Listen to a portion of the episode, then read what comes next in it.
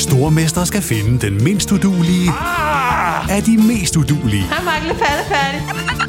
Sammen to papkasser. Åh, oh, nej, Mark. Må jeg ikke ringe til min mor? Stormester. En chance til. Det er ikke på nogen måde behageligt. Stream nu på TV2 Play. Ready to pop the question? The jewelers at BlueNile.com have got sparkle down to a science with beautiful lab grown diamonds worthy of your most brilliant moments. Their lab grown diamonds are independently graded and guaranteed identical to natural diamonds, and they're ready to ship to your door. Go to BlueNile.com and use promo code LISTEN to get $50 off your purchase of $500 or more. That's code LISTEN at BlueNile.com for $50 off. BlueNile.com code LISTEN. Burrow is a furniture company known for timeless design and thoughtful construction and free shipping, and that extends to their outdoor collection. Their outdoor furniture is built to withstand the elements, featuring rust-proof stainless steel hardware, weather-ready teak, and quick-dry foam cushions. For Memorial Day, get 15% off your Burrow purchase at burrow.com slash ACAST and up to 25% off outdoor. That's up to 25% off outdoor furniture at burrow.com slash ACAST. Hey, it's Paige DeSorbo from Giggly Squad. High quality fashion without the price tag. Say hello to Quince. I'm snagging high-end essentials like cozy cashmere sweaters, sleek leather jackets, fine jewelry, and so much more. With Quince being 50 to 80% less than similar brands. And they partner with factories that prioritize safe, ethical, and responsible manufacturing. I love that. Luxury quality within reach. Go to quince.com slash style to get free shipping and 365 day returns on your next order. Quince.com slash style.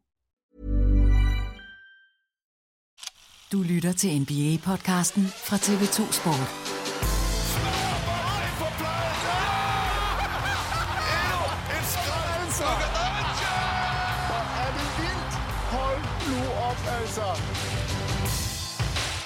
Daryl Morey er en løgner, og jeg vil aldrig være en del af en organisation, som han er en del af. Lad mig gentage. Daryl Morey er en løgner, og jeg vil aldrig være en del af en organisation, som han er en del af. Sådan lød det fra Philadelphia 76ers-spilleren og den tidligere Liga-MVP James Harden i sidste uge, hvor han til et fan-event i Kina åbenlyst udtrykte sin utilfredshed med 76ers President of Basketball Operations, Daryl Morey, der jo tidligere har været pot og pande med Harden, da de begge var hos Houston Rockets. Det her markante statement sætter for alvor tvivl om Hardens fremtid hos 76ers, kaster også en markant skygge over både baglandet, men også mulighederne for klubben i den kommende sæson. I dagens podcast sætter vi fokus på de tre aspekter i den her ja, prekære sag, kan vi godt kalde det. James Harden, Daryl Morey og Philadelphia 76ers. Velkommen til åbningsafsnittet på en ny NBA podcast sæson for os på TV2 Sport her. Jamen præcis to måneder før starten på NBA-sæsonen 23-24. Mit navn er Christoffer Vestrup, og for 8. sæson i træk kan jeg byde velkommen til TV2's NBA-ekspert og min medsamsvorene her i podcasten. Peter Wang, velkommen til dig, Peter. Tak skal du have, Kristoffer. Det er længe siden. Hvor er det skønt. Hvor er det skønt. Så øh, ja, er mange år, men øh, lad, os, lad os bare køre igen. Folk har også øh, sagt, det er måneder siden, I har udgivet noget, så, så vi skal jo lige høre, Peter. Har du haft en god Åh, sommer? nej, øh, tø, jeg ved ikke, hvor jeg skal starte. Øhm, jeg drikker smoothie lige nu, og i den smoothie er der olie. Okay. Og det er ikke fordi, jeg synes, olie det er spændende. Nej, jeg prøver at... Øhm, ja, du sagde undervognsbehandle. Det, det tror jeg egentlig er. jeg tror faktisk, det er et meget præcist udtryk. Nej, jeg er blevet så ufattelig gammel, ufattelig hurtigt. Jeg har bare ondt over det hele, og det er en ynk. Så derfor så prøver jeg at gøre noget, øh, noget aktivt for måske at hjælpe mig selv en lille smule. Men, øhm, men ellers har det nok været en okay sommer, vil jeg sige. Der har, I juni måned var der jo sol, og jeg ved ikke, om det tæller som sommeren. Men jeg har været indenlands, så jeg er en af dem, der har nyt. Det danske efterår. Var det Ja. ja. den øh, vådeste, ja, den, den vådeste juli måned i nogensinde. Øh, men altså, Danmark kan noget. Jeg synes egentlig slet ikke, Danmark er så slem. Men jo, det har været en, det har været en okay sommer. Hvad med dig? Jamen, øh, jo tak. Øh, Inden vi kommer alt for langt ind, jeg har lige et par ting, jeg skal sige, men, øh, men meget aktuelt øh, vil jeg gerne lige øh, sende en hilsen til min kære lillebror, der her i nat øh, blev far for tredje Nej. gang. Jeg har simpelthen lige fået en jæse her i nat, øh, som vi optager den her øh, podcast. Hvad laver du her? Du skal da være et andet sted så. Du skal da stå ude på Jamen. Fødegangen. Og, og må jeg ikke snart komme ind og se det lille monster?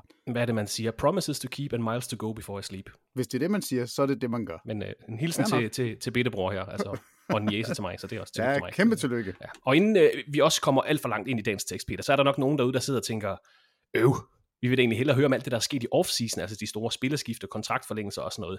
Det sætter vi fokus på i næste uge, hvor vi for alvor er i slutningen af, hvis vi kan kalde det, sommeren 2023. Så væben der lige med tålmodighed. I næste uge, der skal vi nok forsøge at få dannet det store overblik over off-season 2023. Men i dag, der er fokus altså rettet mod The Beard, The City of Brotherly Love, og ham man kalder Dog Elvis.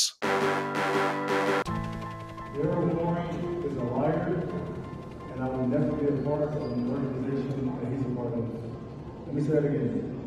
Daryl Morey is a liar, and I will never be a part of an organization that he's a part of. Og lad os starte med, med den her aktuelle sag, Peter, inden vi kigger øh, frem. James Harden er i Kina. Han deltager i en række fan-events. Han er der for at opbygge sit brand selvfølgelig, for at reklamere for sine sko. Og til et af de her events, der siger han så ordene, som vi åbnede podcasten med, og som vi lige har hørt også øh, som lydbid. Det bliver filmet, det ligger lynhurtigt på sociale medier, alle NBA-fans ser det. Han står altså og kalder Daryl Morey en løgner, siger han ikke vil være en del af en organisation, som han er en del af. Kan du gøre os klogere på baghistorien til det her, Peter, og hvad tænkte du, da du så den her video og læste om ja, omstændighederne? Jamen, jeg er blevet fanget en enkelt gang på Twitter, hvor jeg har øh, troet på noget, og så fandt jeg ud af, at navnet på, på den der account var et eller andet buttcrack. Og så, øh, og så kunne man godt regne ud, at ah, det, det, det er ikke sikkert, det er helt rigtigt, Nej, det der står. okay. Øhm, så jeg vil sige, at jeg havde sådan lige en snært af, det er simpelthen løgn. Altså det er, øh, vi er ude i sådan noget AI, hvor der, der er nogen, der har sat et, hedder det AI? Ja, det, det, det, det er Nå, noget, hedder, ja. hvor der er nogen, der har sat et hoved på en krop, og så får man alle til at tro, at det er James Harden, der siger det her, fordi det var så grotesk og, og fuldstændig vanvittigt. Altså, jeg, jeg kan ikke huske, vi- eller jeg, der er ikke sket noget i NBA's historie nogensinde, hvor en spiller på den her måde smider sin longtime friend og general manager og alt under bussen, og, og på den her måde Altså, det, Altså, og det er med fuld overlæg. Han ved jo godt, at han bliver filmet. Jamen- der står et, et væld Jamen, af det der med- kinesiske fans. Ikke? Altså. Lad mig lige gentage det. Altså, for, hvis, hvis ikke I hørte det før, så siger det Mm. lige en gang lidt mere tydeligt. Nej, så jeg troede faktisk først, det var en joke. Jeg, jeg troede simpelthen ikke, det var rigtigt. Og da, da det så gik op for mig, at både øh, Shams og alle mulige andre store Twitter-folk, de havde den. Så tænkte jeg- X-folk, Peter. Det hedder jo X nu. X Nå ja, nå ja. Det tror jeg aldrig. Det er lidt ligesom uh, Stable Center. Ja. Så, så det, jeg, Præcis, jeg, ja. jeg giver mig ikke. Jeg giver mig ikke. Så på Twitter, der øh, fandt jeg ud af, at den, den var god nok. Og det, det rystede mig faktisk. Og så tænkte jeg, nøj, hvor er det fedt. Altså, Adam Silver, han sidder nok og klapper et eller andet sted. Lader som om han er sur, men sidder og klapper, fordi agurketid i NBA, det er der ikke nogen, der vil have. Nu kommer den, den vildeste historie. Nu er der igen noget at, at snakke om. Og når det så er sagt, så er det jo en ulykkelig og tåbelig historie, som faktisk går langt længere tilbage. For jeg ved ikke, om du kan huske, jeg tror, det var tilbage i december, eller i hvert fald omkring årsskiftet, Ja, omkring hvor man jule- allerede Første juledag, ja. Jamen, så begyndte at snakke om, at øh, Nå, men James Harden, han skal tilbage til Houston. Og så var vi bare, øh, hvor, tilbage til Houston? Hvorfor i alverden skulle han tilbage til Houston? Han spiller sammen med den spiller, som måske bliver ligaens MVP. Det blev han så på et hold, der kan vinde mesterskabet. Hvor, hvorfor fanden snakker vi alle sammen om, eller ikke vi, hvorfor taler folk om, at Houston er, er en destination for James Harden til sommer, når han skal have sin nye kontrakt? Altså, det, det gav ikke nogen mening andet, end at han er glad for stripklubber, og dem er der mange af i Houston, så, så det grinede vi af, men tog det jo ikke rigtig alvorligt. Men der, dengang skulle vi nok have, have læst T-bladene, Christoffer, og tænkt, der er et eller andet i gære. Altså, der, der er noget på vej. Og jeg ved ikke, om det var James Harden, der allerede dengang begyndte at prøve at spille sådan lidt... Øh, altså, jeg skal have en masse penge til sommer, ellers så kan det være, at jeg tager tilbage. Øh, så nu, nu kommer hele den her historie med, at han opter ind i sin kontrakt, hvilket også var, var grotesk. Og så, så kommer den seneste Kina-historie. Altså, så vi står i en situation lige nu, som er håbløs for, for alle parter. Og, og udefra, når man kigger ind, altså Philadelphia, what a shit show. Altså, deres historie igennem de Den- sidste mange år er et shit show. Og Den vender det, vi lidt tilbage til senere, kan jeg godt uh, tease Ja, men det, det bliver vi også nødt til. Men det her, det må være kulminationen på, altså på mange års dårligdom, og det her, det er bare det værste. Altså, det, det, det er en frygtelig historie. Frygtelig for alle, men for os, der sidder udefra og kigger ind, så er den jo top underholdende. Men jeg har simpelthen ingen anelse om, hvordan det her det ender. Det er, det, det er super interessant. Nej, vi ved heller ikke helt, altså vi kender jo ikke alle detaljerne, det skal vi huske at starte med at sige. Vi ved ikke, om han er blevet lovet en stor ny kontrakt, efter han tog en lidt mindre kontrakt forrige sommer. Vi ved ikke, om han er blevet lovet at blive traded væk, og man så har stoppet arbejdet med at sende ham væk. Der var jo meget snak om, at man arbejdede på at sende ham til Los Angeles Clippers, og der kunne Philadelphia så ikke finde en handel, der gav mening for dem, så derfor stoppede man og siger, at vi regner med, at du er klar til training camp her 1. oktober. Og det er han så sur over, men, men han er i hvert fald ikke tilfreds øh, den gode James Harden. Lad os, lad os bare lige gøre ham færdig, bare lige for at lige og, øh, Jamen, jeg gør ham færdig. Det ved jeg ikke, om vi kan. Vi kan godt prøve. Men han vil, han vil i hvert fald gerne væk. Og som nævnt, han er optet ind i sin player option for sæsonen 23-24, altså den kommende sæson. Her skal han have 35,6 millioner dollars, inden han så er unrestricted free agent i sommeren 24. Så hvis, Peter, hvis man nu sidder derude og er et hold og trader for ham, så er det altså for en sæson. Og så er der selvfølgelig det her med, at nogen vil sige, ja, men så laver man jo lige en hemmelig øh, håndtryksaftale om, at man giver en stor kontrakt næste år. Men, men, men et, vil James Harden stole på det, efter den her sag med Daryl Morey, som vi vender tilbage til senere. Og to, kan man stole på James Harden? altså, der vidderligt er kommet med tre trade requests på under tre år. Januar 21, der vil han væk fra Houston Rockets, han kom til Brooklyn Nets. Februar 22, han kom ikke direkte med et trade request, fordi han var, eller out of fear of the public backlash, som han sagde, men i stedet for, så kom han med meget stærk ønske om, lad os kalde det det, at blive traded fra Nets til Philadelphia 76ers. Det skete så, og så juni 23, opter ind i sin player option med 76ers, beder om at blive traded specifikt til LA Clippers, og så det her i den seneste uge. Så det, det er jo, altså det er jo tre klodsede exits, kan man godt kalde det, på under tre år. Der er vel ingen grund til at tro, at hvis man er nu siger jeg bare et hold, Miami Heat, at man trader for ham, at han så bliver der. Der er ingen grund til at tro på det. Nej, jamen altså, der er, der er sådan noget Kyrie, Kyrie Irving-vibes over det her. Altså, man, man faktisk ikke helt ved, hvad man skal, hvad man skal tro. Men jeg tror vi godt, vi kan være enige om, at facts er, at han sidste år to mindre i kontrakt, sådan mm-hmm. at man kunne signe PJ Tucker og Daniel House. Yes. Og det kan han jo ikke stå og sige, fordi det er ulovligt. Altså, og de blev faktisk, de fik jo jeg tror nok, de fik trukket to anden runde valg i, i PJ Tucker-historien. Øh, På grund af tampering. Ja, så, altså, de har snakket for tidligt med free ja, agents. Men, men det tror jeg, alle er enige om. Selvfølgelig gjorde han det, og selvfølgelig var det sådan en wink-wink-aftale.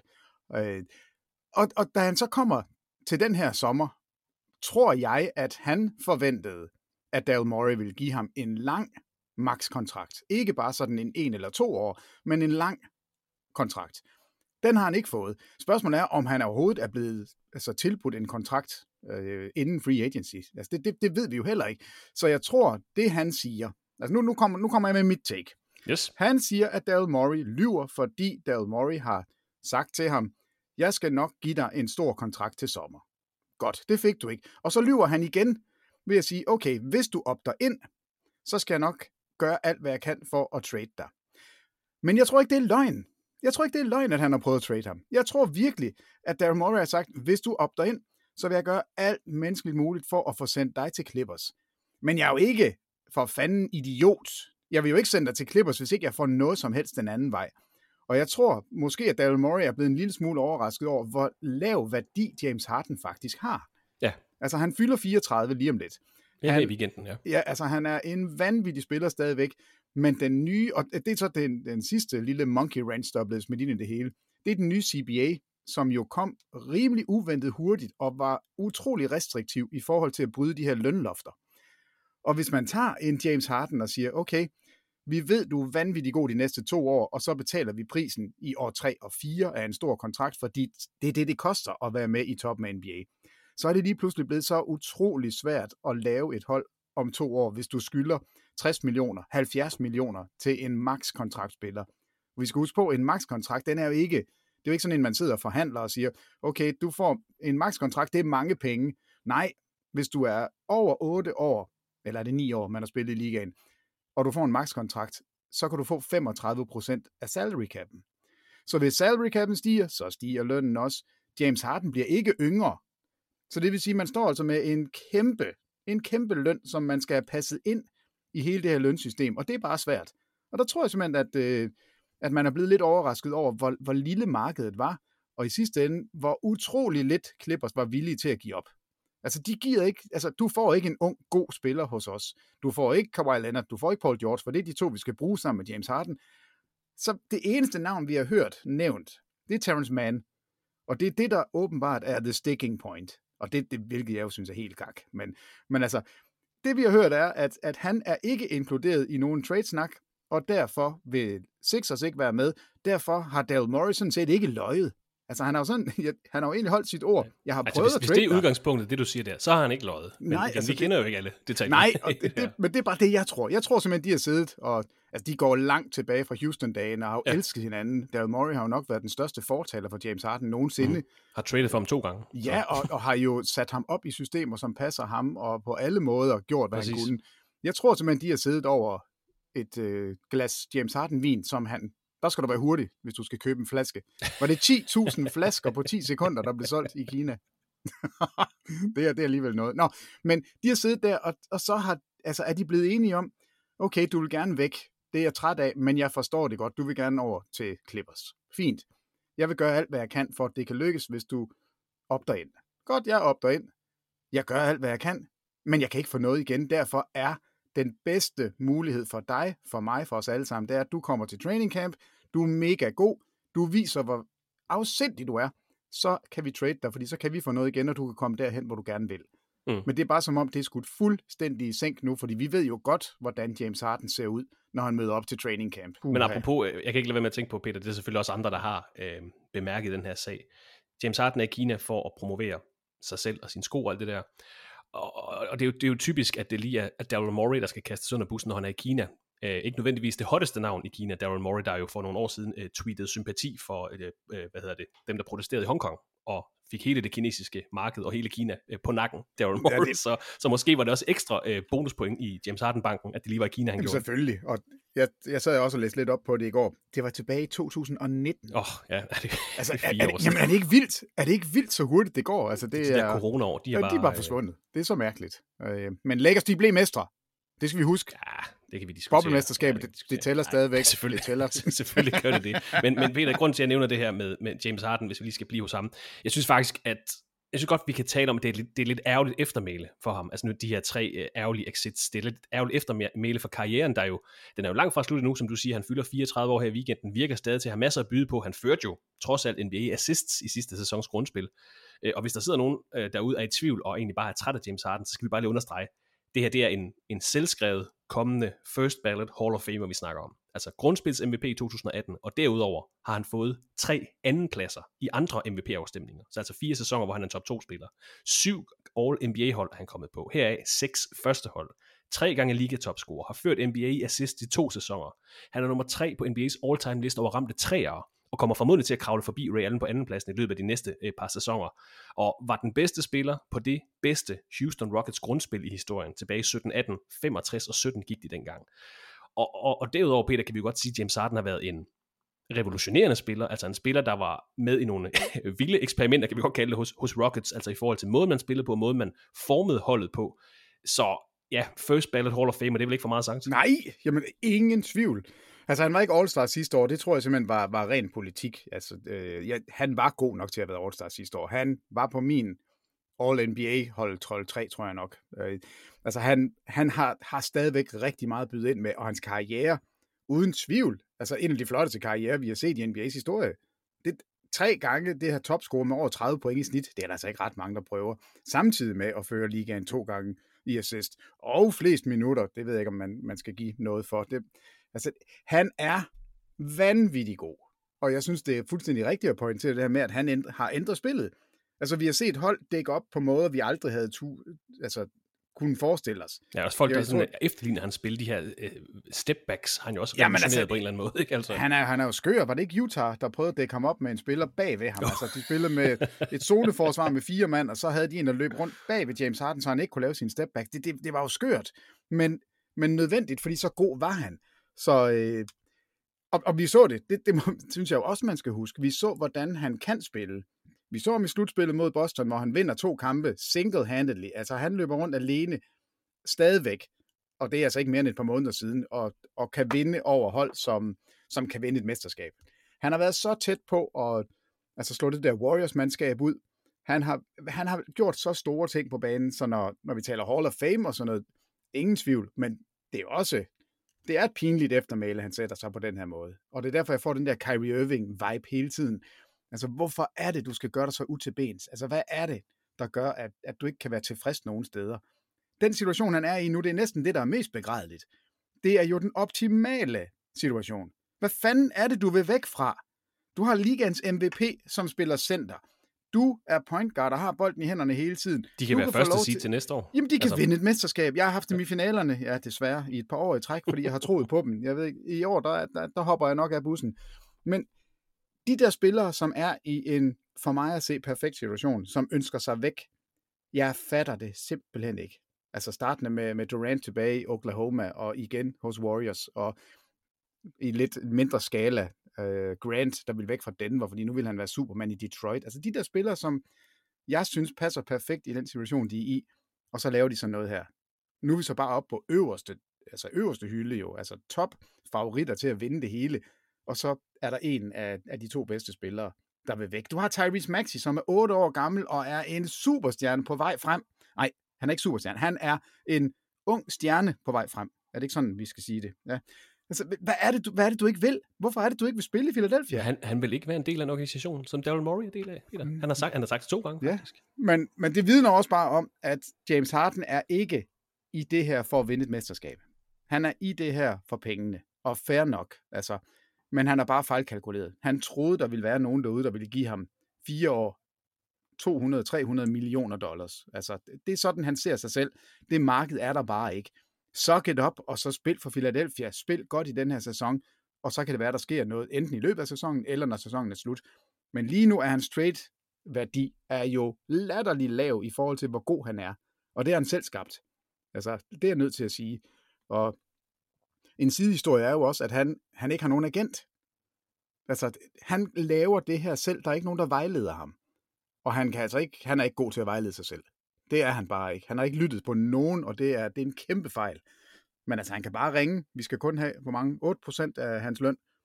Så, så skal vi nok fortælle ham, hvad han skal gøre. Og det, han skal gøre, møde op i training camp, lad være med at være tyk, spil røven ud af bukserne og vis hele ligaen, at du stadigvæk kan, så lover jeg dig, så er der nogen derude, så er der et desperat hold, så er der Clippers, så siger, okay, så får I Terrence Mann, så får I et første rundevalg mere, så gør vi sådan og sådan og sådan.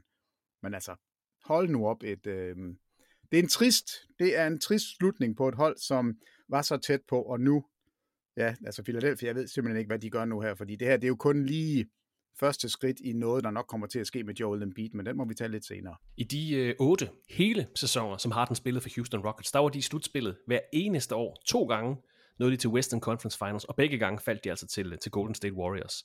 Men det er selvfølgelig ikke kun James Harden, der skal have ros for Rockets succes i årene, lad os kalde det 2012-2020, fordi i 2006, der blev Daryl Morey ansat som Assistant General Manager for Houston Rockets. Året efter blev han forfremmet til General Manager, og før ansættelsen hos Rockets, der havde Morey tilbragt øh, en håndfuld år i baglandet hos Boston Celtics. Men nu var han altså klar til at forme sit eget hold, øh, hvis man kan sige det, øh, hos Rockets.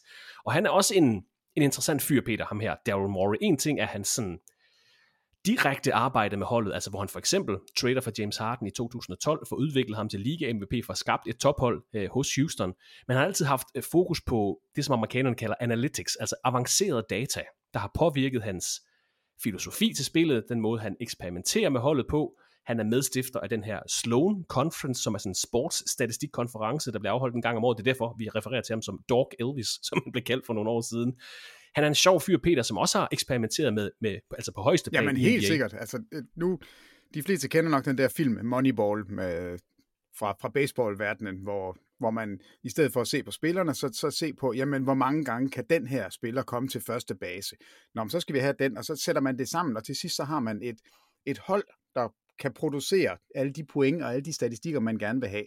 Det er lidt det samme, som, øh, som Daryl Morey, han, han gik ind og gjorde, og især med trepointskuddet. Altså gik ind og, og kiggede på værdien af det, og procenterne, og hvor skulle man skyde fra, og, og han har jo selv været ude at sige, det, det var jeg faktisk ikke klar over, men at han mener jo selv, at trepointskuddet kun skulle tælle 2,5 point. Fordi det, det er simpelthen for...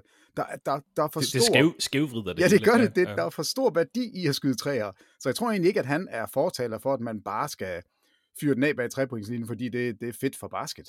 Nej, det er fedt, fordi du på den her måde har en større chance for at få flere point end de andre. Så det er ham, der for alvor har fået sat fokus på analytics og på at sige, så længe ligaen er, som den er, og trepointslinjen ligger, hvor den ligger, og specielt, han siger også, at banen skal faktisk være bredere, fordi det, det er for nemt og for, for godt at skyde de her corner threes. Det er man nødt til at gøre noget ved, øh, hvis man vil ændre spillet. Altså fordi vi skal fyre den af bag trepointslinjen, eller vi skal til ringen. Alt det der medium range, det, det skal vi holde os fra. Og det var noget, Det han indførte allerede i, altså i Det- 2014, før det her Warriors-dynasti, der skød, der skød mange træer, altså for, ja, altså G-League-mandskabet Rio Grande Valley Vipers. Der udfasede man jo fuldstændig altså lange topunktsskud. Det var til ringen, og det var trepunktsskud. Og Yes, det har han måtte ikke andet. så ført over i NBA til det her Houston Rockets-mandskab. Jeg kan ikke huske snittet de 40 eller 50 trepunktsforsøg, eller 60 Jamen altså, de, altså, kamp. de der altså. Vipers var sindssyge. Det, der, deres statistikker, det er, det er rent trepointsskud. Det er, det er sgu lidt sjovt at sidde og, sige, og se på. Men, men det er jo blevet personificeret i James Harden. James Harden er jo den her altså analytics drøm, hvis man er Daryl Morey. Og det er jo det, han levede med i flere år, og det virkede. Øh, så, så flere har jo på en eller anden måde efterlignet, hvad det er, Daryl Morris satte i gang. Men hvis en skal have rosen, eller jeg ved ikke, om det er ros eller ej, men i hvert fald skal have kreditten for, at man tænker sådan nu, så er det, så er det Daryl Morey. Øh, Og, og en, en, en eller anden, som revolutionerer et spil, som har været der så længe, det, det er man jo nødt til at anerkende. Han er jo mega dygtig og super øh, i forhandlinger, og, og det er jo også derfor, man, man ligger og venter lidt på, hvad kommer der? Fordi Daryl Morey, han har jo tænkt det her igennem. Han ved jo godt, at øh, der bliver ballade. Jeg tror ikke, han havde tænkt igennem, at James Harden skulle stå i Kina og sige, at han var en løgner. Den, den tror jeg ikke, nogen havde set komme. Men, men den er, altså Daryl Morey som, som person er super interessant. Altså det, det er der ingen tvivl om, og han er, jeg tror, når vi om 50 år kigger tilbage, så vil hans navn også komme op og sige, jamen det, det var under Daryl Morey, at, at spillet ændrede sig. Så kan det være, at det ser helt anderledes ud, men, men der skete noget, og der er Morey manden bag det hele. Og Daryl Morey vandt prisen som øh, NBA's Executive of the Year i 2018, og udover at hente James Harden, så fik han hentet profiler som Dwight Howard, Chris Paul, Russell Westbrook, Carmelo Anthony til holdet, inden han stoppede som GM for holdet, eller for Houston Rockets i november 2020. Herefter blev han ansat som President of Basketball Operations hos Philadelphia 76ers. Og altså 15 måneder efter den her ansættelse i Philadelphia, der trader han så igen for James Harden, som 76ers som nævnt henter fra Brooklyn Nets. Man ser endda sådan en lille video, hvor Mori tager imod Harden på vej ud af sit øh, uh, privatfly efter den her handel, så alt virker jo til at være godt. Harden når at spille halvanden sæson for Philadelphia 76ers. Han er med til at sikre en fjerde og en tredje plads i Eastern Conference, en 51-31 record og en 54-28 record. To anden runde exits for holdet i slutspillet først. 2-4 til Miami Heat i forrige sæson, og så 3-4 til Boston Celtics i sidste sæson. Og som nævnt, James Harden førte NBA assist til sidste sæson, hvor holdkammerat Joel Embiid blev kåret som ligaens most valuable player. Jeg ved godt, Peter, nu vil du fremhæve øh, måden, de røg ud af slutspillet på. en ja, Ja. ikke særlig imponerende indsats i den afgørende kamp 7 mod Celtics. Men, men James Harden hos Philadelphia har vel været en succes, kan vi godt sige. Altså han havde, eller man havde en MVP i sidste sæson. Tingene så positivt ud for 76ers frem mod sæsonen 23-24, hvor du siger, jamen de kunne vinde mesterskabet. Men nu er der altså gået noget galt i det her forhold mellem James Harden og Daryl Morey. Øh, når førstnævnte udtrykker, at han aldrig vil være del af et hold, som Daryl Morey er en del af, øh, det, er, det er i sig selv et vildt statement. Vi skal også huske at nævne, at, at, at det er et statement, der har kostet James Harden 100.000 dollars i bøde, en bøde, som NBA har givet ham, altså for at lave et, de kalder det et offentligt trade request. Spillerforeningen har øh, sagt, at det er vi ikke helt enige i, så nu må vi se, om der bliver en, en, en sag ud af det her, og vi skal, vi skal lige understrege, at vi kender ikke alle detaljerne i den her sag. Der er ingen tvivl om, James Harden efterhånden fremstår en smule krukket med alle de her trade requests, eller hvad vi skal kalde det. Krukket, ja, det er Men, men, rigtigt. men, men fra Morris position, Peter, uden at kende detaljerne, man skal vel passe på, at man ikke skaber sig selv et dårligt omdømme, fordi øh, et eksempel, der bare lige popper op, da Boston Celtics mere eller mindre smed Isaiah Thomas på porten, efter han havde leveret en All-NBA-sæson for holdet, efter han havde spillet med skade, han havde mistet sin søster i slutspillet, havde spillet alligevel, det skadede faktisk deres omdømme. Der var spillere og agenter, der fravalgte Celtic som destination, på grund af, lad os kalde den deres kynisme, i forhold til at forme deres hold. Økonomisk var det det helt rigtige, ikke at give Isaiah Thomas en stor kontrakt, især fordi han havde en, en skade. Men det var som om, de bare smed ham på porten, og det gjorde altså, at Celtics i nogle år havde et rigtig dårligt omdømme, så man skal bare passe på, hvordan man agerer, også som general manager, eller som president of basketball operations. Så Murray er også i en lidt prekær situation lige nu. Jamen, det, det er jo derfor, det er en forfærdelig situation for alle. Der er ikke nogen, der kommer ud af det her som vinder. Det, det bliver en stor taberomgang, øh, og, og det er trist, fordi selvfølgelig, vi skal huske på, det er, at det er en forretning, og det første spillerne tænker på, det er penge. De vil have pengene, og hvis de så kan få pengene og destinationen samtidig, så er alt godt. Og, og, og det lykkes for nogen, men, men langt fra alle. Og altså, når Bruce Brown smutter fra Denver, så er det jo ikke, fordi han ikke er glad for at spille i Denver. Han har vundet et mesterskab, og han elsker Jokic, og han synes, det er en fest at være der. Så er det, fordi de ikke kan give ham det samme, den samme økonomi, som et andet hold kan. Og, og, og sådan fungerer det, og det skal man bare være helt klar over. Øh, men her er der bare gået noget galt. Der, der er hele det der regnestykke, helt tilbage fra da James Harden han går ned i løn sidste år, fordi han tror, at han kan tjene penge igen næste år. Der er noget, der går galt der, og nu står de i den. Og, og det, der er super interessant, hvis, hvis man sådan kigger på opbygningen, det er, at han kan ikke bare sige, at jeg kommer ikke. Altså, Philadelphia, jeg vil ikke være en, en del af en organisation, som Daryl Morey er med i. Nej, men det er fint nok, men hvis ikke du møder op, så kan du faktisk blive låst. Hvis ikke du møder op og er en del af, af training camp, efter 30 dage, så er du låst, og så kan Philadelphia for evigt sige, du kan ikke være en del af noget professionelt basketballhold i hele verden. Det er en del af den nye CBA, det er den nye klausul, CBA. der altså kan udelukke James Harden fra, fra alt. professionel basketball ja. i hele verden. Så- så- Jeg ved ikke helt, hvordan man håndhæver det, men... øh, Nej, det bliver lidt sjovt. Det kunne, det kunne være en test case. Øhm, men, men, men det er jo derfor, vi et eller andet sted ved, at James Harden, han møder op. Altså, han kommer til at stå i Philadelphia. Han kommer til at æde sine ord og sige, jamen okay, jeg vil så godt være en del af en organisation, men I skal se en del, altså en stor bagdel. Jeg bliver så dårlig, og jeg bliver så irriterende, og I vil ikke have mig, og I vil gerne af med mig, og I bliver nødt til at trade mig, fordi jeg er helt forfærdelig. Men han er nødt til at møde op. Altså, jeg kunne godt, er der svimmel, jeg vil gerne være i, i hallen til den første træning, hvor James Harden er der. Altså, hvad, hvad bliver det for en omgang? Jamen også fordi han er, han er jo egentlig ret gode venner med Joel Embiid. Det er der også mange, der sådan har, har påpeget. Altså kan du godt Jamen- t- troppe op til en træning, og så kigge en af dine rigtig gode venner i øjnene og sige, "Men jeg kommer ikke til at levere en indsats. Altså, Jamen, kan man, det, det selvfølgelig kan man det, men Det, det kan man blive nødt til. Det. Jeg ved ikke, hvordan man skal gøre det, men, men det er jo også det, der er, der er besynderligt. Det er jo, der er flere spillere, som er ude og har bakket James Harden op. Altså Patrick Beverly har været ude og, og offentligt bakke ham op, og han er jo lige blevet traded til, eller er jo lige kommet til Philadelphia i, til den næste sæson. Og, og flere af spillerne er sådan på James Hardens side, og fra hvad vi hører, altså vi griner jo altid af James Harden, fordi han laver sådan nogle skøre ting, og vi ser videoer med ham, og han flyver rundt og laver alt muligt. Men spillerne omkring ham er glade for ham. James Harden har gjort Joel Embiid til MVP. Altså, spillerne kan godt lide James Harden. Så det her bliver en super, super vanskelig situation, når, når training camp begynder. Men der er ikke nogen tvivl om, at James Harden er nødt til at møde op. Altså, jeg, jeg, jeg, tror ikke, at... Men er der noget, er der, noget der tyder på, at Det man sker- vil opsige Daryl Morey hos Philadelphia? Jamen, det kan jo også godt være, at man bliver nødt til det. Det kan jo være, at, altså, at, at man prøver på den måde at redde det, det hele drejer sig om, som er Joel Embiid. Altså, fordi det, alle ved jo, at det her kan være første skridt i vejen på, at Joel Embiid bliver den næste superstjerne, der siger, jeg gider ikke det her mere. Jeg har virkelig prøvet, jeg har spillet med så mange tosser, og jeg har været så tæt på, og hver eneste gang, jeg tror, vi har den, så sker der noget, som ikke har noget med basket at gøre, som gør, at jeg ikke kan vinde. Nu vil jeg væk. Og det er jo det, de frygter. Hele, alt er jo bygget op omkring præcis der, hvor de er nu. Det er, det er kulminationen. Det er kulminationen på det hele. Det er det hold, de har lige nu. Og hvis det bare falder fra hinanden, fordi James Harden og Daryl Morey bliver sure på hinanden, og de ikke kan få pengene til at passe, og aftalerne ikke er på plads, så kan jeg da godt forstå, hvis Joel Embiid bliver sur. Så jeg tænker da, selvfølgelig er det en mulighed også, at man sidder og kigger på, jamen altså, er det Daryl Morey, kan vi undvære ham? Hvis vi nu smider ham ud, tror vi så på, at James Harden, han vil spille sammen med Joel Embiid igen og være en del af Philadelphia? Altså, der er jo ikke nogen af os, der har løsningen på det. Der er ikke nogen af os, der har nogen idé om, hvordan nogle af de her folk tænker. Men altså, alt er i spil lige nu, men det værste for Philadelphia, det er udsigten til at miste Joel Embiid. Og nu har vi øh, i løbet af podcasten nævnt de her to forskellige roller, der er i baglandet hos NBA-hold. En general manager og en president of basketball operations. Det er lidt svært at, at definere helt præcis, hvad de to roller er, for de varierer meget fra hold til hold. Øhm, men hvis vi skal sætte nogle ord på det, en general manager arbejder mere med opbygningen af holdet, trades, kontraktforhandlinger med mere, mens en president of basketball operations har en, en bredere rolle, skal også forholde sig til billetpriser, har det store overblik. Øh, Vi kan sige, at en president of basketball operations kan lave en general managers job, men ikke omvendt. En general manager kan ikke lave en president of basketball operations job, hvis det hjælper noget som helst. Men, Det øh, hjælper ikke en skid, men det er fint. Nej, pyt. Daryl Morey øh, kom til 76ers i 2020, har altså været president of basketball operations i tre hele NBA-sæsoner.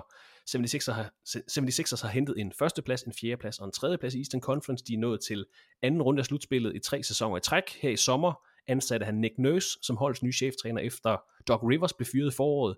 Han har været med til at drafte Tyrese Maxey, Paul Reed til holdet. Han fik sendt Al Horfords store kontrakt væk fra holdet på et tidspunkt, hvor ja, Horford ikke gav så meget mening øh, for det hold. Han fik sendt Ben Simmons væk fra holdet i bytte for James Harden, naturligvis. Han har traded for DeAnthony Melton, han fik samlet PJ Tucker og Daniel House op, som vi nævnte som free agents. Det kostede to anden runde draft picks i bøde for ligaen på grund af tampering, men det er sådan noget helt andet. Og, og bare lige for at slå fast, Peter, de var vel klar til at spille med i toppen af Eastern Conference igen i den kommende sæson. Altså holdet vil hedde Joel Embiid, James Harden, Tobias Harris, PJ Tucker, DeAnthony Melton, Tyrese Maxey, Vi kan nævne Paul Reed, øh, Patrick Beverly er kommet til, Montrezl Harrell, der dog er skadet, Mo Bamba, Daniel House, Jaden Springer, ret solidt mandskab, må vi bare sige. Hvis vi nu bare fjerner James Harden fra det her hold, lad os sige, at han ikke møder op efter 30 dage, han bliver låst, han er helt ude af ligaen. Hvad er udsigterne for holdet så? Jamen, så er det et hold med en, en liga-MVP, og et hold, som selvfølgelig, hvis alt klikker, og hvis Tyrese Maxey tager det ekstra skridt, mange forventer, at han gør, så vil de blande sig i toppen, men de vil ikke være, være topfavoritter. Nej. Altså, der, der er holdet ikke bredt nok, og de, de har mistet George Niang, og det, det øh, er der ikke ret mange, der lægger mærke til, men han var faktisk mega vigtig for dem. Altså, den eneste over 40% trepointskytte, de havde, ud over Tyrese Maxey. Han er væk nu.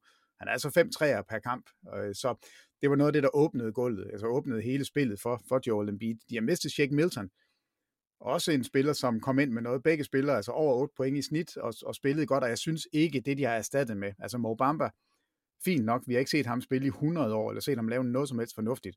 Og, og Patrick Beverly, som jo i øvrigt hedder Mr. 94 fod. Vidste du det? ja, jeg tror, jeg har hørt det. Mr. 94 feet. Ja, altså han er 35 år gammel, og, og spillede ikke særlig godt sidste år, og var en dårlig trepointskytte, og en lille forsvarsorienteret guard, der, der gør det altså noget, at man bliver ældre. Så jeg synes holdet, som, altså lad os bare sige, at James Harden kommer tilbage og spiller James Harden, så, så er de stadigvæk gode nok til at vinde det hele, men jeg synes ikke, holdet er helt lige så godt, som det var sidste år. Og hvis du så tager James Harden ud, altså det er stadigvæk, når du har Embiid, så skal du nok vinde omkring 50 kampe.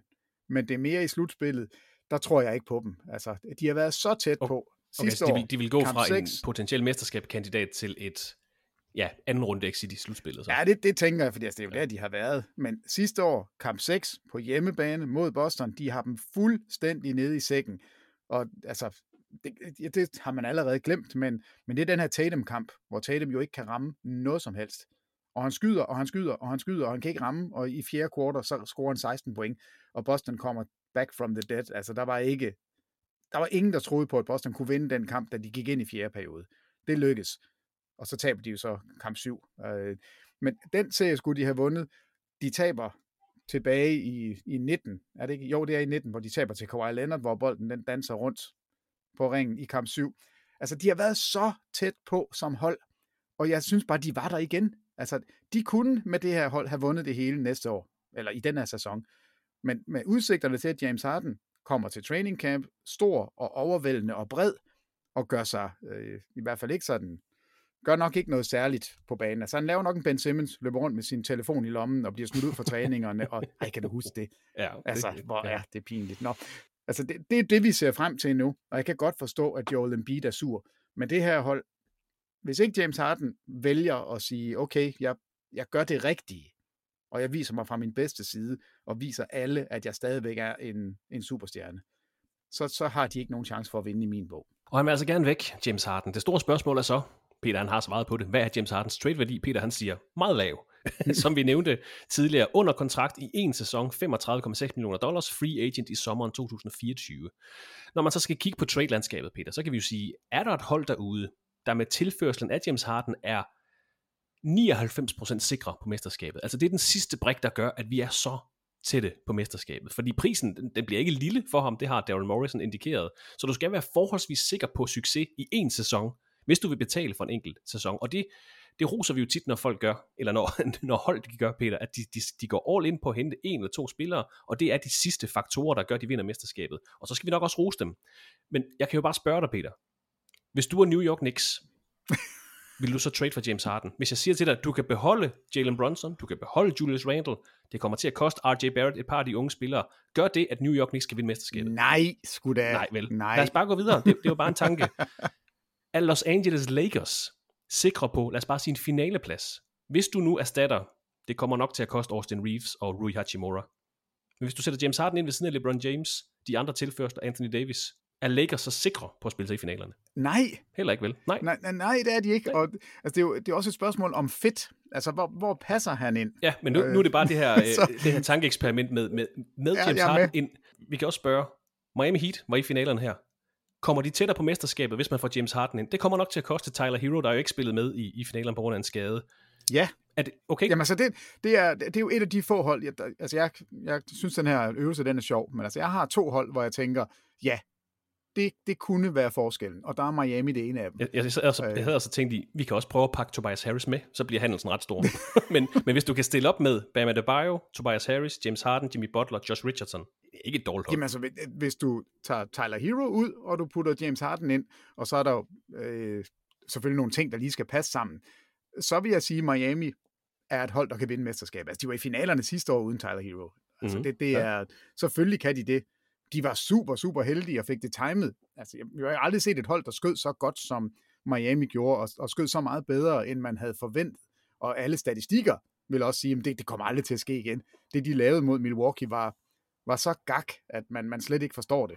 Og så gjorde de det igen mod Boston. Altså, det, det, det var vildt. Okay, så Miami Men- Heat kan godt tage et stort skridt til dig. Miami Heat kan Okay. i min bog i det her år, hvis de får James Harden, så kan de vinde det hele. Men de, og det er jo faktisk ikke helt, jo det er, det er urealistisk, men det er ikke umuligt.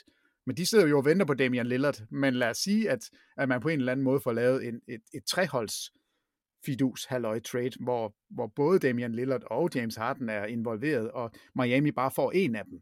Så vil de, så vil de være oppe og kunne vinde det hele. Og så er der jo LA Clippers, Peter, som Harden gerne selv vil til. Kontraktmæssigt, altså der kan man rimelig nemt konstruere noget. Øh, det handler så om, hvad Clippers vil give ud, men altså Norman Powell, Terrence Mann plus en yngre spiller, det kan faktisk kontraktuelt lave tradet. Men vil Clippers så være sikre på en, lad os bare sige en finaleplads til at starte med? Nej, de vil ikke være sikre, men det er det, de mangler. De mangler en spilfordeler, som kan sætte Kawhi Leonard og Paul George rigtigt op og kan tage over, når de sidder ude. Og altså på alle måder kan jeg godt se, at det her hold kan, kan vinde med James Harden, og det kunne passe sammen med James Harden. Og det er, jo det, det er jo det eneste hold. Det er det eneste hold, som James Harden vil til. Det er det eneste hold, der bliver nævnt. Det er det eneste hold, som lige nu siger, jamen vi vil gerne have ham, men vi vil ikke betale den pris, som I vil have for ham. Og det er jo det, der er problemet. Altså, James Harden ved godt, hvor han vil hen, men det er ikke, altså, han kan ikke selv bestemme, at han kommer derover, med mindre Clippers vil give noget den anden vej, og det ved de altså ikke lige nu. Hvis jeg siger til dig, at Dallas kan få lov til at beholde Luka Doncic og Kyrie Irving, hvis du så tilfører James Harden, Du kan jo ikke have et hold med Kyrie Irving og James Harden, og så tage dem alvorligt. Nej, det, det er jo så det. Men der har man også, man har også kontrakterne til at kunne lave det. Altså Tim Hardaway ud, Maxi Kleber med måske. Det gør lidt ved bredden. Altså, jeg, jeg, jeg lige vil sige, alle hold med Luka Doncic har en chance for at vinde det hele. Så god er han. Og selvfølgelig, hvis du har Kyrie Irving og James Harden, så vil du have et af de mest potente angrebshold nogensinde. Men jeg tænker stadigvæk forsvarsenden, der, jeg ved ikke, hvordan de skal stoppe noget som helst, hvis den der konstellation skulle være der. Så jeg har altså Miami. Miami og som en- Clippers. Og Miami og Clippers er de to hold, jeg kan se, hvor det vil give mening, og hvor man vil kigge på holdet og sige, wow, nu, nu er den der. Nu er det, altså, nu har de de spillere, der skal til. Okay, men bare lige for at slå fast, Peter. Mavefornemmelsen. Spiller James Harden for Philadelphia i sæsonen 23-24? Og hvis ja, hvor meget spiller han? Jeg siger ja. Jeg siger, at han starter i training camp og er mega sur. Og jeg tror stadigvæk ikke, der kommer en, en handel på plads hos Clippers. Og jeg, jeg tænker kun Clippers. Jeg, jeg tror simpelthen ikke, at andre byder ind. Altså, jeg tror ikke, at Charlotte kommer ind fra siden og siger, hey, vi kunne godt tænke os at, at få et hold, som i det mindste er underholdende at se. og så kan vi få dig ind sammen med LaMelo Ball. Altså, det, det kunne være skægt. Øh, jeg tror ikke, at San Antonio går ud og, og smider noget af dem, fordi nu vil vi have James Harden sammen med Wembanyama. Og igen, det er altså kun et år, man trader for. Jamen, det er jo det. Altså, det, det, det er det, vi lige skal slå fast igen. Så, så det skal være et af de hold, som realistisk kan kigge på deres eget hold og sige, nu får vi Harden til, vi har en chance for at vinde det hele, og der er bare ikke ret mange derude, hvor det overhovedet passer på nogen måde. Så jeg tror, han starter i training camp. Jeg tror, han, han bliver nødt til det. Suck it up. Jeg, jeg tror, du er nødt til at være en del af en organisation, som Daryl Morey er en del af. og så tror jeg, han vil spille nogle kampe. Og måske, altså måske vågner han en morgen og tænker, okay, enough is enough. Altså jeg, jeg vil jo gerne have et ordentligt eftermæl. Jeg vil jo gerne have de store penge. Den eneste måde, jeg kan få det på, det er faktisk ved at, at være mega god. Altså, lykkescenariet er jo, at, at, han, at han gør det, og at Philadelphia finder ud af, det kan godt være, at vi er sure på hinanden alle sammen, men er du svimmel, var vi gode på banen. Lad os vinde det her mesterskab, og så står jeg til sommer, hvor jeg er unrestricted free agent. Jeg kan komme lige præcis derhen, hvor jeg vil, og det kommer ikke til at koste holdet, som tager imod mig, andet end at de skal have min øh, løn passet ind under lønkontrakterne, så, så de kan gøre, hvad de vil, og så kan jeg, oh, hvor kan jeg være god, og hvor kan jeg blive glad. Men det koster et år, hvor jeg skal spille, og spille sammen med ligaens MVP, og en ung stjerne i Maxi, og altså, hvor er det synd for James Harden, at han skal lide på den her måde. Men jo, jeg tror faktisk, han kommer til at spille kampe for Philadelphia. Det bliver spændende. Og der er så mange øh, scenarier og udfald af det her. Det ene er selvfølgelig, at status quo. Daryl Morey bliver, James Harden tropper op, og så, må, så er der selvfølgelig niveau af, hvor meget han leverer for klubben i sæsonen. Han kan blive traded før sæsonen, man kan fyre Daryl Morey. Vi må vente og se. Det er i hvert fald en, øh, det er en ret vild historie, det her, der lige ramte os her i sidste uge. Øh, og afhængig af, Peter, hvad man så eventuelt får retur i en handel for den tidligere MVP, så må det betegnes, som du også er inde på, som et skridt tilbage for 76ers, som vi øh, i de sidste par sæsoner har håbet på, hæppet på, måske regnet med, at vi skulle nå et, lad os kalde det et nyt niveau for holdet, et skridt videre i, i the process, for at sige. Det er ikke fordi, vi altid skal handle, eller det vi altid skal snakke, og det skal handle om den her store genopbygning i Philadelphia, men det var fordi, man vekslede jo en af nøglebrikkerne i den her opbygning, Ben Simmons til James Harden, som nu vil væk. Øh, de to profiler og Jimmy Butler har været i klubben, og vil alle sammen gerne væk. Det er det ikke nødvendigvis sådan en hård kritik af franchise, det er bare et udtryk for, men altså hvor svært det er at skabe, øh, hvad skal vi kalde det, kontinuerlig storhed. Og det, er også, det kræver altså også lidt held hen ad vejen. De har været i slutspillet i de sidste seks sæsoner. Fem af dem er de nået til anden runde. Siden man startede den her The Process i 2013, der har man trods alt skabt to Rookie of the Year-spillere. Michael Carter-Williams, Ben Simmons. Joel Embiid kunne også have vundet den, han spillede simpelthen bare ikke nok kampe i, i, i sin debutsæson. Man har gjort Joel Embiid til Most Valuable Player. Man har hørt til toppen af NBA i seks sæsoner. Og bare fordi vi tidligere har set hold som Oklahoma City Thunder skabe et tophold via NBA-draftet, et hold som Golden State Warriors skabte et mesterhold gennem draftet. Jeg ved godt, de også fik hjælp udefra, men trods alt deres stamme var gennem draftet. Vi har set Denver Nuggets skabe en stamme på holdet gennem draftet. Jokic, Michael Porter Jr., Jamal Murray. Bare fordi det lykkedes andre steder. Altså så er det ikke bare givet, at man kan veksle de her høje draft picks til spillemæssig su- succes. Og igen, det er ikke for at pege fingre, det er et udtryk for, hvor svært det er, at man altså også skal have lidt held. Og når jeg siger det, så vil jeg gerne lige kigge lidt på Philadelphia 76ers vigtigste draft picks siden 2013. Fordi det, det er både godt og skidt, lad os sige det sådan. 2013, 11. valget, Michael Carter Williams, super flot debutsæson, flot anden sæson også, er derefter faldet øh, noget ud af ligaen, hvor vi bare sige. at han spillede for Orlando Magic i sidste sæson. I 2014, med tredje valget, drafter man Joel Embiid, 100% home run for 76ers, som nævnt MVP sidste år, og har været nummer to i MVP-afstemningen to år før det. Man draftede også Alfred Payton, som man så traded for Dario Saric, øh, fin spiller, en okay karriere må vi sige. De tog faktisk også Jeremy Grant med 39. valget, spillede der i to sæsoner, traded ham til Oklahoma City Thunder øh, senere, men godt set med 39. valget, det skal de trods alt have ros for. 2015, tredje valget, Jalil Okafor, fin rookie-sæson, er blevet overhalet af spiludviklingen, må vi bare sige. Han er 27 år i dag, spiller Jamen, i den bedste spanske række. Ja, og, og, og så 15. er det, at der må vi begynde at sige lidt, Nerlens Noel, centerspiller. Joel Embiid, centerspiller. Sardic, stor ja. mand. Okafor, centerspiller. Præcis. Prøv nu lige at tænke jer lidt om. Ja, der, der draftede man for meget uh, i en ende bane. Det er ligesom uh, Orlando Magic draftede også uh, yes, mange exactly. I 15, der tager man så også uh, Rashawn Holmes med 37. valget. Fin sådan starter kaliber spiller. Godt set igen et andet runde valg, man, man får uh, fin uh, produktion fra. I 2016, første valget, Ben Simmons, uh, der var generel enighed om, han skulle være første valget her må vi så bare sige, en, altså en besynderlig udvikling, karrieren har taget for ham. Det er jo en historie i sig selv, vi har snakket rigtig meget om. Du og Thomas har snakket meget om i udsendelser. Øh, vi hæpper stadig på Ben Simmons, der er hos Brooklyn Nets lige nu, men altså går fra at være øh, all defensive, øh, defensive player of the year kaliber spiller til at falde fuldstændig ud, miste troen på sig selv, ikke have noget skudspil passivt. Besynderlig udvikling, må vi bare sige. Med 24. og 26. valget i 2016, der tager de Timothy Luau Cabarro og Furkan Korkmaz. Begge har haft okay karriere, så, så fint for 76ers side, også selvom Pascal Siakam og DeJounte Murray blev taget lidt senere i draftet. Men sådan kan man gøre med alle hold. Det er ikke det, der ja, er pointen. Ja, ja, ja. Nej, nu, nu begynder det at gøre ondt. 2017, første valget, nummer 1, Markel Fultz. Han fandt aldrig et hjem hos 76ers, kunne heller ikke skyde, havde også øh, skulderproblemer, det skal vi nævne. Han er ved at etablere sig som NBA-spiller hos Orlando Magic, øh, men også en besynderlig historie med ham. Altså, der var, det skulle være ham eller Lonzo Ball i 2017, de valgte Markel Fultz det var forkert. Det gik simpelthen ikke for dem. Lad, os, vi tager bare lige 2018 med os. Med 10. valget, der tager de Michael Bridges og trader ham til Phoenix Suns i bytte for C.J. E. Smith, som der var hype omkring bevares. Han har spillet 13 NBA-kampe siden 2018. Både på grund af skader, men også fordi måske var talentet der ikke helt. Han spillede Summer League for Oklahoma City Thunder her i sidste måned, øh, i øvrigt, det C.J. E. Smith, men 13 kampe har man fået. Derefter... Ej, det skal lige, og, og Michael Bridges mor arbejdede for organisationen i Philadelphia, og alle var glade og troede det her, wow, hvor bliver det bare godt, og nu løber han rundt og er jo en, altså en stor del af Team USA, som skal spille VM, der starter her i, i morgen, og er jo en, var med i finalerne for Phoenix Suns. Og er jo en ja. kæmpe, altså han er jo stjernen lige nu i Brooklyn, altså på alle måder, der, der var det ikke Zaire Smith, de skulle have taget. Nej, det, det kan man godt sige. Og, og he, efter 2018, så er det primært anden runde draft picks, inden man drafter Tyrese Maxey i 2020. Godt set i øvrigt. Øh, man trader for draftrettighederne til Matisse Theibel i 2019, nåede at have lidt momenter for holdet, inden han blev sendt til Portland her i februar. Men vi må også bare sige, man har simpelthen ikke haft heldet med sig. Altså det er back-to-back første valg i draftet. Det er ikke back-to-back topvalg, det er første valg, back-to-back, der ikke forløser sig. Markel Fultz, Ben Simmons. Det er Michael Carter Williams, der ikke fortsætter sin udvikling. Det er Zaire Smith over Michael Bridges i 2018. Det er tredje valget Jalil Okafor, der aldrig rigtig slår igennem i NBA. Som sagt, han bliver også øh, overhalet af udviklingen i ligaen. Det er sjette valget fra 2013-draftet, Nerlens Noel, som man får i bytte. Man altså veksler en af sine store spillere, Drew Holiday, for at sende ham til New Orleans, for det her sjette valg tilbage, Nerlens Noel, aldrig slår igennem. Det er fem top 10 valg, der ikke lykkes for dem. Og nu vil James Harden altså også væk. På flere måder må vi sige, Peter, at the process er lykkedes, man er blevet tophold, man har fået en liga MVP. På andre måder er det bare ikke lykkedes. Er det delkonklusionen her i dag, eller hvad tænker du?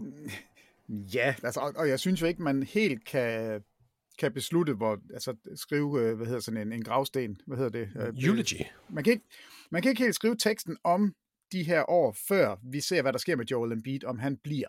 Altså, fordi jeg er bange for, at det her betyder, når James Harden på en eller anden måde forlader holdet til trading deadline, fordi det, jeg tror, det er det, der kommer til at ske. Jeg tror, han starter med at spille for dem, og så bliver han traded. Og så tror jeg, at Joel Embiid bliver den næste, der siger, at det her, det kan jeg simpelthen ikke holde ud længere. Jeg vil et sted hen, hvor der er styr på tingene. Fordi det, vi ikke har med i fortællingen her, det er, da Jimmy Butler kommer til, de, han spiller der en sæson. Det er her, hvor de taber til Kawhi Leonard og, og Toronto Raptors i 19, med de her fire gange på ringen, og i skovskider stilling i nede i hjørnet, og Joel Embiid, der græder, og Jimmy Butler er, er sur. Jimmy Butler, hvorfor bliver han der ikke? Det, det sad jeg og læste lidt på. Det eneste, Jimmy Butler har sagt efter den ene sæson, hvor de altså er så tæt på at vinde et mesterskab. Altså, de skal en Kawhi Leonard, bing, bing, bing, de skal, bing, de skal bing. lige Eastern Conference Finals først, altså kan man sige. Og jo, men det her hold kunne have vundet. Toronto vandt. Ja, ja. Jimmy Butler og Philadelphia kunne have vundet. Hvorfor bliver han der ikke? Det eneste, han siger, det er, der var simpelthen ikke styr på en skid. Jeg vidste aldrig, hvem der, der, der bestemte. Jeg vidste ikke, hvem der skulle hvad. Jeg kunne ikke forstå. Ben Simmons har haft bolden hele sæsonen. Han har spillet point guard. I slutspillet, der beder de mig om at blive point guard. Ikke fordi jeg ikke har lyst til at være det, men hvordan kan man finde på at ændre noget så øh, vigtigt midt i et slutspil? Der var ikke styr på noget, og derfor gad jeg ikke være der. Det er det, han siger. Altså, der har ikke været sådan noget, der er ikke sket noget på banen, der er ikke noget kontraktuelt, der har været sådan, det kunne ikke lade sig gøre, fordi pengene kunne ikke passe. Han er simpelthen møghamrende sur over, at det ikke fungerer. Og vi har jo set Jimmy sur. Butler spille Miami Heat i to NBA-finaleserier. Jamen, han må, være, han må have det så sjovt, hver eneste gang han ser Philadelphia bare burn uh, up in flames, eller hvad fanden det hedder. Altså, det, det, det må være en fornøjelse for Jimmy Butler. Men Jimmy Butler er jo sådan en, en spillertype. Chicago, altså der, ja, de dummede sig. De skulle aldrig nogensinde sende Jimmy Butler væk. I Minnesota, der er der, der er der heller ikke styr på det. Der gider han ikke være, og har jo den her meget, meget flotte training camp, hvor han jo selv råber sig ud af, af Minnesota. De er nødt til at trade ham. Og nu gør han så det samme i Philadelphia, fordi der ikke er styr på tingene. Og i Miami, har du hørt noget som helst negativt i Miami? Intet. Alt er godt, fordi der er styr på tingene. Så alle de her hold, hvor Philadelphia er et af dem, der er der altså noget at sige om, at der måske ikke er styr på det hele. Og, og de har forskellige trænere, og de gør det jo igen. Nick Nurse er den nye træner til den her sæson. Uh, Doc Rivers har været der i tre år, så det er ikke, det er ikke hans skyld. Det, det er sådan mere hele konstruktionen omkring, som, som bare ikke rigtig fungerer. Der er et eller andet, som er galt. Og vi har jo ikke hørt, at det er Joel Embiid, der skaber uro. Altså det er, ikke, det er ikke ham, bare fordi man bygger op omkring ham, det er ikke ham, der er problemet, virker det ikke Nej, altså det er i hvert fald ikke, hvad vi har hørt. Jo, de, Jimmy Butler siger selv, at de valgte Tobias Harris over mig, og det, det skulle de jo ikke have gjort. Altså, så, men han siger også, jeg skal ikke være her, fordi der er ikke styr på det. Nu er han et sted, der er styr på det, og alt fungerer. Så de har haft spillerne inde. De kan bare ikke holde på dem. Nu har de James Harden inde. De kan ikke holde på ham. De har Joel Embiid inde. Jeg tror ikke, de kan holde på ham. Så det her er historien om et hold, som har været så tæt på og haft alle muligheder. Men har heller ikke haft heldet. Altså det, det er heldet, bemærkelsesværdigt. To Am, første valg, back to back, vildt. som er, og det er ikke for at gøre nar af folk, der måske kæmper med øh, det mentale eller noget, men som simpelthen bare ikke har haft det, der skulle til. Og så at man kunne have haft Michael Bridges. Du kunne også, i stedet for at tage Michael Fultz, så kunne du have haft uh, Jason Tatum, ja, som det, det, blev, blev han nummer 4 eller 5 i MVP-afstemningen sidste år. ja, altså, du kunne have haft Michael Bridges, og Jason Tatum, sådan groft sagt. Ikke? Altså, men sådan kan man gøre med alle draft. Det er mere det, de har godt nok heller ikke været heldige. Nej, Altså, nej, og Joel Embiid har jo også været skadet. Altså, Ja, ja. Der, der, gjorde, der tog man det rigtige valg og sagde, vi ved godt, at der er nogle problemer her. Lad os tage den tid, det tager. Og jeg skal da lige love for, at fans i Philadelphia har, har lidt under det her, fordi altså tilbage i 12-13 sæsonen, der er de i slutspillet. Det er der uh, Drew Holiday spiller der. Uh, og, og der er, det er faktisk en okay sæson. De, kan ikke, de er ikke tæt på at vinde noget som helst, men så er det, de, de går i gang med at bygge op. Og så har de altså en sæson, de vinder 19 kampe. Så vinder de 18 kampe. vinder Så de vinder de 10 10 kampe. kampe. Så vinder de 28 kampe. Så fire år i streg er de så pivringe. Og alligevel sad publikum i hallen og klappede. Trust the process, de- altså sang det. Trust the Det er en lang process. genopbygning. Det er det så også blevet. Vi, vi ved, hvad det er, der, der er i vente, og vi glæder os til det. Vi holder det ud. Og, og det blev forløst. Altså, de gik jo fra at vinde 28 kampe til året efter i 17-18 sæsonen. Så vinder de 52 kampe, og, og Simmons bliver Rookie of the Year, og Joel Embiid ser ud til, at han er fantastisk, og alt ser godt ud. Nu har vi, det er kulminationen på The Process. Vi har det hele på plads, og så falder alt fra hinanden igen. Altså, det er jo en lidelseshistorie af, af værste skuffe, det der er sket med Sixers over de sidste 10 år. Det, det er frygteligt. Og det her er, det er bare toppen. Altså, alt det dårlige, vi har talt om indtil videre, bliver alligevel toppet af James Harden, der står i Kina og siger, at Daryl Morey lyver, og jeg vil aldrig nogensinde være en del af en organisation, som han er en del af. Altså, det, det, vi har jo ikke set noget lignende. Det er jo fuldstændig gak. Og det må også, øh, det må også føles en smule sådan trøstesløst, at ikke engang når man har en stærk opsætning på sit hold, når man har ligaens MVP, og derudover den mest assisterende spiller i ligaen, der faktisk komplementerer hinanden perfekt, at man så alligevel ikke er i spil til mesterskabet. Og det igen, det er ikke for at gøre nar af Philadelphia 76ers. Det er bare det, som vi efterhånden har sagt i mange år. For at vinde mesterskabet, du skal have en superstjerne, du skal have minimum et elite sidekick, du skal have gode rollespillere, du skal have en træner, der ikke står i vejen, og så skal du altså også have lidt held. Og det er altså nok øh, det sidste, som 76ers ikke har haft i den her øh, genopbygning af holdet. Og det er i hvert fald ikke nok, Peter, det kommer jeg til at tænke på. Det er i hvert fald ikke bare nok at have grundspillets MVP på sit mandskab. Et slag på tasken fra din side. Vi har set 77 NBA-sæsoner. I hvor mange sæsoner har en spiller både vundet grundspillets MVP og mesterskabet, altså i den samme sæson.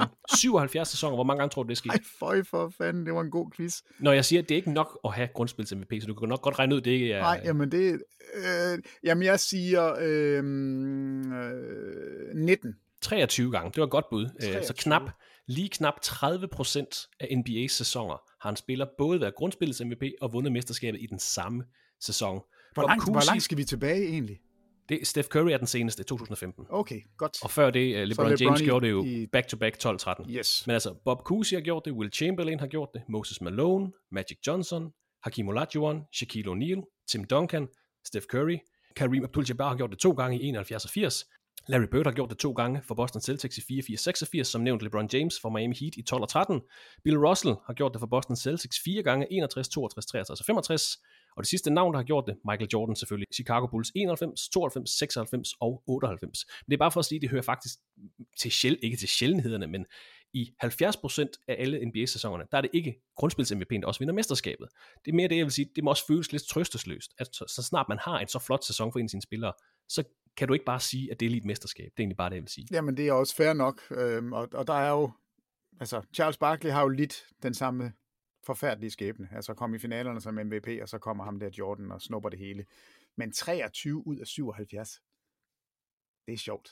Det er en, øhm, det er en god, det er en god en at, at lige huske på, og det er jo så ja, ni år siden, det er sket sidst. Men altså spændende at se, hvordan James Harden, Daryl Morey, sagaen ender om Harden tropper umotiveret op til training camp, og man kan finde en handel for den tidligere MVP, og om hvordan 76ers ser ud i sæsonen 23-24. Det skal vi nok snakke meget mere om i en senere podcast, hvordan holdene de altså ser ud til den kommende sæson, der altså starter om præcis to måneder. Jeg synes, vi har været øh, godt rundt i krogen i den her sag, Peter, som jo altså var fundamentet for øh, podcast-sæsonens første afsnit. I næste uge, der skal vi som sagt have fokus på de største historier for off-season 2023, hvor der også er sket en del interessante ting, både spillerskifte, store kontrakter og det hele. Men er der mere, som vi skal have med i denne uges podcast? Ja, men jeg synes at lige, altså, sådan et eftermæle på, på Doc Rivers i Philadelphia, fordi han var jo så ja, fætteret, er jeg lige ved at sige. De var jo så glade, da de fik ham. Men bare, bare de tre sæsoner, hvor han har været der, har jo været et eller andet sted med nogle forfærdelige playoff exits. Ja, ja, ja Atlanta altså, først, og så Miami, I, og så... I 21 Atlanta. Ja, det er den skulle de de taber, ja. ja, de taber kamp 7. Jeg sad og kiggede statistikkerne igennem i går og tænkte, det er simpelthen løgn. I kamp 7, der skyder Trey Young 5 for 23. Og alligevel vinder Atlanta. Det er the Kevin Herter game. Han har 27 point. Joel Embiid smider 8 bolde væk. Det er det her Ben Simmons pass. Det, ja, det er måske ja. det er der, det hele starter. Da Ben Simmons har en dunk, han ikke vil have, og så afleverer han i stedet for, og bliver så smidt under bussen i pressekonferencen bagefter, både af Joel Embiid og Doug Rivers. ja. 21-22, der taber de til Miami Heat, og James Harden og Joel Embiid bliver skadet, og det er mega uheldigt. Altså det er jo bare, det er rigtig ærgerligt, at, at Joel Embiid er skadet. Han spiller kun med i fire af kampene. Så, så der har man en lille undskyldning. Og, øh, og så sidste år, hvor man taber til den der Celtics, og det var lidt, eller lidt sådan en, en parallel til Trey Young-kampen med Tatum. Altså ja. Tatum skyder 5 for 21. De scorer 13 point i fjerde kvartal i kamp 6 på hjemmebane, hvor de kan lukke hele baduljen. Og jeg har aldrig set den så slukket. James Harden før. Eller det passer ikke, for han har haft nogle lidt grimme slutspils-exit, men den der kamp 7, han var helt... Han af, jamen, kamp 7 er han færdig, til kurven, afleverede jamen, den turnover. Jamen, altså. jamen alt. Ja. Det, det, hvordan kan man som... Og, og der kan vi kalde dem superstjerner. Altså, de har begge to været MVP'er. Hvordan kan de tjekke ud af kampe på den måde, og specielt James Harden? Altså, det, det er vildt. Vi mangler at se de to spille, altså spille bedre i slutspillet, end, end de har gjort i grundspillet det, det, det mangler vi at se, og det kommer vi ikke til at se nu, fordi jeg tror ikke på, at det her hold er, som det er lige nu. Jeg tror simpelthen ikke på, at James Harden er der, når de, når de skal spille slutspil til sommer. Der, det, det får en løsning inden da. Men de tre år, altså Doc Rivers, nu skal han, han skal ikke træne, han skal ind og, og sidde og kommentere kampe og sådan noget. Jeg tror, han bliver rigtig god til det. Men tænk sig engang nogle, nogle mavepuster, han har fået der. Altså, han vandt et mesterskab i 8 med Celtics, og det lever han stadigvæk højt på. Jeg tror, det er fint, at han lige tager en pause. Og jeg tror, at Nick Nurse er, jeg synes, det er et spændende valg, og det er rigtige valg, og det er også derfor, jeg, ej, hvor vil jeg håbe, at James Harden, han ser sig selv i spejlet og kan se, at det her, det nytter jo ikke noget. Jeg tager det i mig igen, jeg sælger noget vin, og så spiller jeg basket på, på det niveau, jeg ved, jeg kan, med en ny træner, der kan justere i slutspillet, og så kan vi vinde det hele. Det, det vil jo være det ønskescenariet for Philadelphia, men det er, det er svært at se, at det kommer til at ske. En uh, fin lille ekstra krølle. Selvfølgelig lige fornævnt uh, Doc Rivers, der jo altså er fortid hos Philadelphia 76ers. Jeg ved, Peter, du også har lidt tanker om uh, det kommende VM i basket. Det er jo ikke noget, vi desværre viser, eller skal bruge alt for meget tid på. Det er jo ikke NBA-relateret, men der er jo en del NBA-spillere med. Ja, men det, det er der, og, og jeg synes, det er, det er faktisk værd at følge, fordi øh, det hold, som, som USA sender afsted, er faktisk et, et mega fedt hold. Altså, de, de sender jo ikke de bedste spillere med det kan godt være, at, at andre lande ikke helt er, er med på, på, hvordan man tænker i USA, men for amerikanerne, der er OL. Siden 92 har OL været en ting, man, man gerne vil være en del af. Man vil gerne repræsentere sit land til OL. Men til VM, så er det sådan lidt, øh, ah, ej, det ved jeg ikke lige, om jeg gider, og kontrakterne skal lige passe. Så alle de spillere, der er med, det er spillere, som er under kontrakt og har sikret deres kontrakter de næste par år også. Det er en ting. Den, den sidste, der fik skrevet kontrakt, det vidste vi alle sammen, Josh Hart fik lavet en kontrakt, mens han var med VM-holdet, der var, var han kontraktløs ja. hos New York. Men alle vidste, at jamen, den kommer nu, fordi ellers så spiller han ikke. Nej. Der er ikke nogen, der tør risikere at blive skadet. Og... Men, men holdet er, er sådan nogle up-and-coming spillere. Der er et par All-Stars i, i, imellem, altså Halliburton og, og Bronson. Og så Anthony Edwards er den der superstjerne, som skal spille som, øh, eller nej, jeg skal ikke sige superstjerne, nej, den, unge, den unge spiller, som folk forventer tager et nyt skridt. Og der er mange, der har sammenlignet det med Kevin Durant, da han spillede for landsholdet i sin tredje sæson, hvor, hvor han var latterlig god. Altså, hvor det var der, man fandt ud af, at det her, det er en spiller, som kan gå ind og dominere i NBA. Men altså, Bancaro, Bridges, Bronson, Edwards, Halliburton, Hart, Ingram, Jaron Jackson Jr., Cam Johnson, Walker Kessler – Austin Reeves, som alle roser nu og siger, hold da op, Lakers har den bedste kontrakt af alle spillere i hele ligaen, fordi de har Austin Reeves. Ja, det er også og så, øh, det er godt lavet. Altså, og så er der en spiller, som jeg, jeg, jeg begriber ikke, hvorfor han er der. Jeg synes, det er så sjovt, og han må bare løbe rundt. Bobby Portis. altså, jeg, jeg synes, det er ja, så man skægt. har brug for lidt attitude også. Altså, det, ja, ja. Altså, ja. ikke fordi han ikke er god nok til det, men, men for mig, der, der passer han bare sådan slet ikke ind i forhold til alle de her unge fremadstormende spillere, og så Bobby Portis. Men holdet, bliver skamrost af alle, fordi de spiller som et hold. Der er ikke nogen nykker. Og de har altså Steve Kerr og Eric Spoelstra, som er, er de to head coaches, eller Kerr er head coachen, og Spoelstra er vist assistant coach på det. Det er også et øh, stærkt tandem, må man sige. Altså, hold op. Jamen, det, det er super, super fedt. Altså, det er det bare. Og de har fået lavet sådan en holdfølelse, hvor, hvor det her, det, det virker som sådan et, et øh, altså et klubhold, der kommer afsted, og de spiller for hinanden, og dem, der starter på bænken, det kan godt være, det er dem, der afslutter kampene, hvis det fungerer bedst. Der er ikke sådan noget hierarki, som skal opfyldes. Øh, og de er ikke selvskrevet til at vinde det hele. Altså, jeg har dem, jeg har dem stadigvæk som favoritter. Jeg synes, det, det ser ud til at være det bedste hold. Men Spanien er gode, Frankrig er gode, øh, Kanada er gode, Australien er gode. Der, Tyskland er gode. Altså, de slog lige tyskerne, efter at have været nede med, jeg tror, det er nede med 15 i anden halvleg, og, og så er det altså øh, Edwards i særdeleshed og Halliburton, de to spiller, spiller holdet op til sidst og vinder. Men, men de, de løber rundt og fejrer de her sejre, som om de, altså, at det betyder noget for dem. Og jeg elsker, at det er sådan et hold, der er, det er godt, det er ungt, det er ikke sådan et, et tungt hold. De er de små, altså de, de får faktisk nogle tæsk. De der øvrige europæiske hold især, som har noget fysik, de, de smadrer dem altså, men de er super atletiske, og kan tænde forsvarsmæssigt, som ikke noget andet hold i verden kan. De er både Michael Bridges hold... og Cam Johnson med, sagde du. Og Walker Kessler ja, og Bobby og, Portis. Altså, det... og Anthony Edwards er en tosse dygtig forsvarsspiller. Så, så det er et, jeg synes, det er et mega sjovt hold, og jeg, jeg vil i hvert fald følge med og, og se de kampe, som, som jeg kan komme til, og, og jeg glæder mig til det. Altså, jeg, jeg synes faktisk, det, det giver noget. Og der er jo andre NBA-spillere med selvfølgelig fra, fra de andre hold, men der, der er tre spillere, som jeg synes, man er lige nødt til at nævne. Ikke, ikke fordi de er med til VM, men fordi de spiller på nogle obskure hold, hvor man tænker, okay, det er mærkeligt. Altså, hvem vidste, at Jordan Clarkson spiller for? Filippinerne. Filippinerne. Om han har jo øh, ja, ja. Heritage, tror jeg det hedder. Så den er, den er god nok. Hvem vidste, at Kyle Anderson spiller for... Kina. for Kina. Og så er der jo uh, The Bahamas. Ja, jamen, det er snyd. Det Eric Gordon er... stiller op for Bahamas. Han har altså spillet på det amerikanske landshold først. Det, den er snyd. Det er det sejeste. Det er det, er det sejeste, at, at, uh, at Eric Gordon spiller for Bahamas sammen med Carl Anthony Towns. Det, det, det synes, nej, ikke med, med Towns, hvad hedder han? Ja, DeAndre Ayton Body Hield, og Bobby, Hield, ja. ja. det synes jeg er mega sjovt. Og så vandt de en kamp over Argentina, og så Nocioni, den gamle hæderkronede øh, landsholdsspiller fra Argentina og NBA-spiller, han var ude at sige, det er snyd. Det er snyd, at Eric Gordon han har fået et pas. Det kan de ikke være bekendt.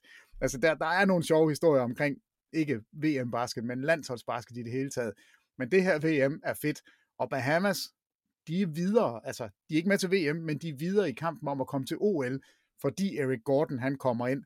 Og det kan godt være, at han ikke bliver en all-star, men for mig er det der, det er total flex, at, at, at man lige henter ham ind, spiller landshold for USA, og nu spiller han så på Bahamas i stedet for, og vinder kampe for dem. Altså det, jeg synes, det er mega sjovt. Så, så NBA er i fuld vi gør her under VM, og, og de der sideturneringer, der kører, kvalifikationsturneringer op til, til OL, de er der også. Det, så der er, der er rigtig meget godt at kigge på. Er der noget, vi skal have med, Peter, inden vi uh, lukker af for i dag? Øh, nej, vi kan lige nævne, at hvis ikke man har set ham, så hold lige øje med Cooper Flag. Ja. Altså, den her fremadstormende 16-årige tosse gode spiller. Og grunden til, at man, man gider nævne ham nu, det er jo fordi, at indtil for kort tid siden, der skulle han komme i NBA i 2026. Han har så lavet det, man kalder en, en reclassification, så han kan komme ind og blive draftet i 2025. Og bliver altså allerede nu kaldt konsensus første valg. Og det går stærkt. Altså, det går virkelig stærkt med de her, nu kan vi se, det fire år siden, at Daryl Morey, han tweetede i, nej, han exede, han exede om Kina, så det er lynhurtigt 2025, men hold øje med Cooper Flag, og hvis ikke man har set ham spille, er der svimmel, hvor er han sjov og god. Hvad er han, så, han 6'10 eller 6'9? Jamen, eller han er en, en ordentlig bleg basse, som blokerer skud til højre og venstre, skyder træer og dunker folk i hovedet, og øh, kan både drible bag om ryggen og mellem benene og alt muligt. Ej, han er bare en komplet spiller, ser det ud til. Så, så ham, ham holder vi øje med. Det er, de highlights med ham, det er skægt. Det var dejligt at komme i gang med podcasten igen, Peter. Jeg tror, det bliver ordene for i dag. Tak for din tid, og vi snakkes ved det, i næste uge. Det er mig, der tager Christoffer i næste uge. Let's go! Og tak til dig, der lyttede med i NBA-podcasten fra TV2 Sport. Vi er tilbage i næste uge, og hver eneste uge fra nu af, og til vi har fået kåret en NBA-mester anno 2024. Har du ris, ros, idéer eller kommentarer til vores generelle dækning eller podcastdækning af NBA, så skriv til os på mailen basketball-tv2.dk. Vi glæder os til at høre fra dig. Ha' en fortsat god uge, og på genhør i det næste afsnit.